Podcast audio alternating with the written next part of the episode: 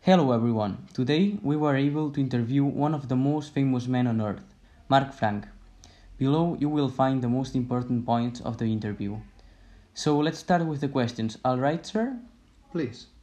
Okay, do you prefer working from home or at your office and why? It depends. I can spend more time with my family being at home, but on the other hand, it's harder to work with other people. Who do you want to see more, your family or your friends? This is not entirely clear either.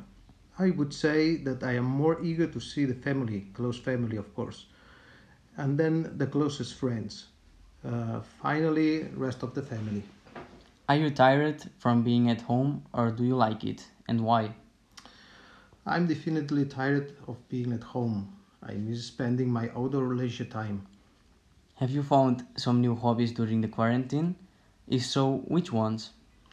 No, I haven't found new hobbies, but I do more sport. Are you worried about someone because of the virus? No, I don't. Luckily not. Do you have more work now or before the quarantine? Now, I have no doubt about it. Now I work about 10 hours per day. Do you think that you could resist two more months of quarantine? Why? Why not?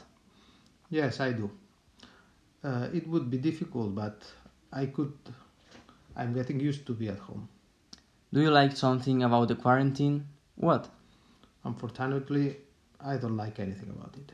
Well, that has been all for today's interview. Thank you for everything, Mark, and good afternoon.